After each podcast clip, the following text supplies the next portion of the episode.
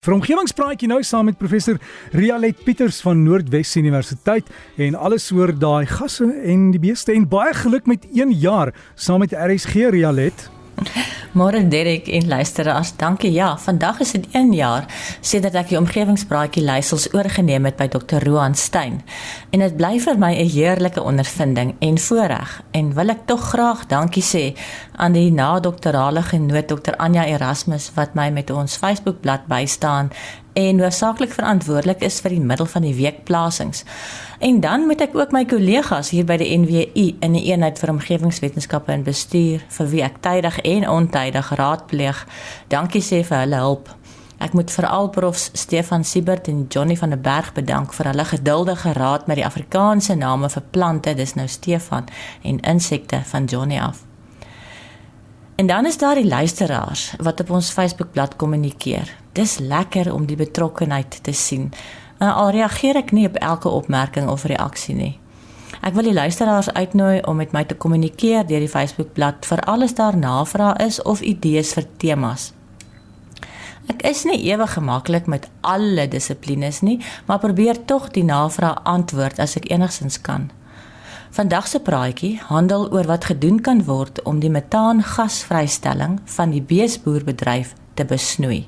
'n Artikel hieroor het op 13 Julie vanjaar aanlyn in Frontiers in Sustainable Food Systems verskyn en die studie is deur Sweedse navorsers gedoen.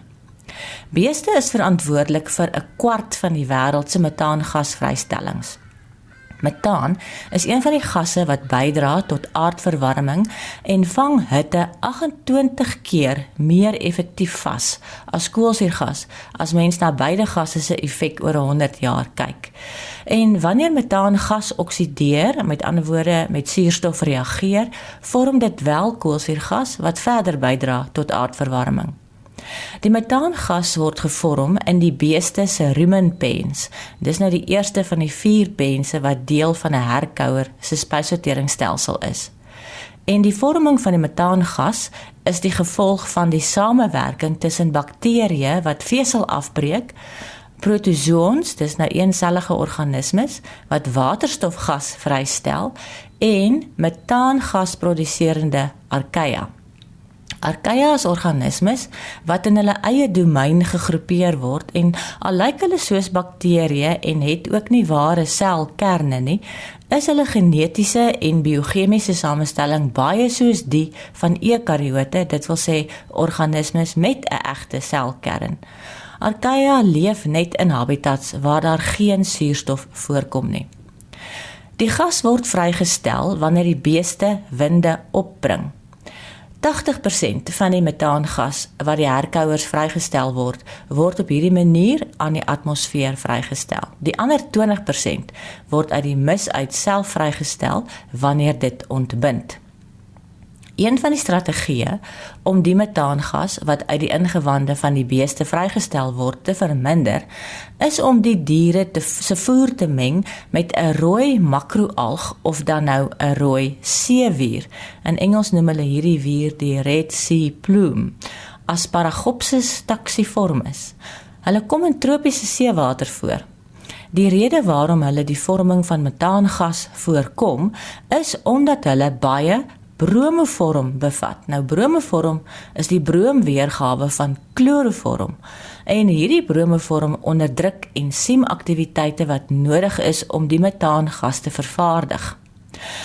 As byvoorbeeld melkkoeie se dieet met net 0.5% van hierdie rooi seewier aangevul word, neem die metaangasproduksie met 65% af. Ongelukkig lyk dit of die koeie simptome toon van ontsteekte rumenwande en daar kom klein bietjie van die bromevorm in die koeie se melk voor, maar is gelukkig baie min. Groot hoeveelhede bromevorm het net soos kloroform 'n narkotiese effek op die mens. Koeie met rooi seewier in hulle dieet se melkproduksie het ook 'n klein bietjie afgeneem. Die Sweedse navorsers wou toe weet of die metaangasgenerasie van beesmis buite die beeste se liggame ook deur die rooi seewier verminder sou kon word. Hulle het die mis met die seewier gemeng. Die persentasie seewier was weer net 0.5% van die organiese materiaal. En in vergelyking met die metaangasproduksie van onbehandelde beesmis was daar 'n 44% afname koeie wat reeds seewier aanvulling aanvulling in hulle dieet gekry het. Se mis het net 'n klein bietjie minder metaangas afgegee as die mis van koeie wat nie die seewier aanvulling in hulle dieet gehad het nie. Die verskil was dus nie statisties betekenisvol nie. Die mis van die koeie wat wel die seewier dieet gehad het, moet ook met die seewier gemeng word om verminderde metaangas vry te stel.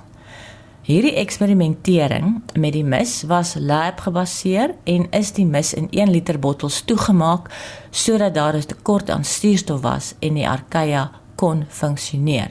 Dis nou nog nie 'n oplossing vir die Suid-Afrikaanse veeboere nie. Behalwe vir beeste se winde wat metaangas bevat, is ander bronne van metaangas olie en gasnywerhede, die produksie van fossielbrandstowwe en vlei lande. En die hoogste toename in atmosferiese metaangas is in 2021 aangeteken toe dit gestyg het na amper 1900 deeltjies uit 10 tot die mag 9 deeltjies. Beeste produseer minder metaangas as hulle mielies vreet, maar dis nie so voedsaam vir die beeste soos gras nie. Die toediening van die rooi seewier as Paraghopsis taxiformis is 'n potensiële oplossing mits genoeg hiervan gekweek kan word. Seewierplase in die see kan egter weer nadelig nadelig wees vir die nabygeleë marine fauna en flora. As Paraghopsis taxiformis kom ook aan die Suid-Afrikaanse kus voor by Sodwana en in die Nysna strandmeer. Ek het foto's van hierdie rooi seewier op omgewingspraatjies se Facebookblad geplaas. Gaan kyk as jy kansie kry. En ons sal gaan loer op die omgewingspraatjie Facebookblad en Rialet dan nou al 'n jaar saam met ons, professor by Noordwes Universiteit. Dit was vandag se omgewingspraatjie en dalk moet ons maar plase daar aan die kus begin oopmaak en hierdie seewier kweek. Dink daar's 'n groot toekoms.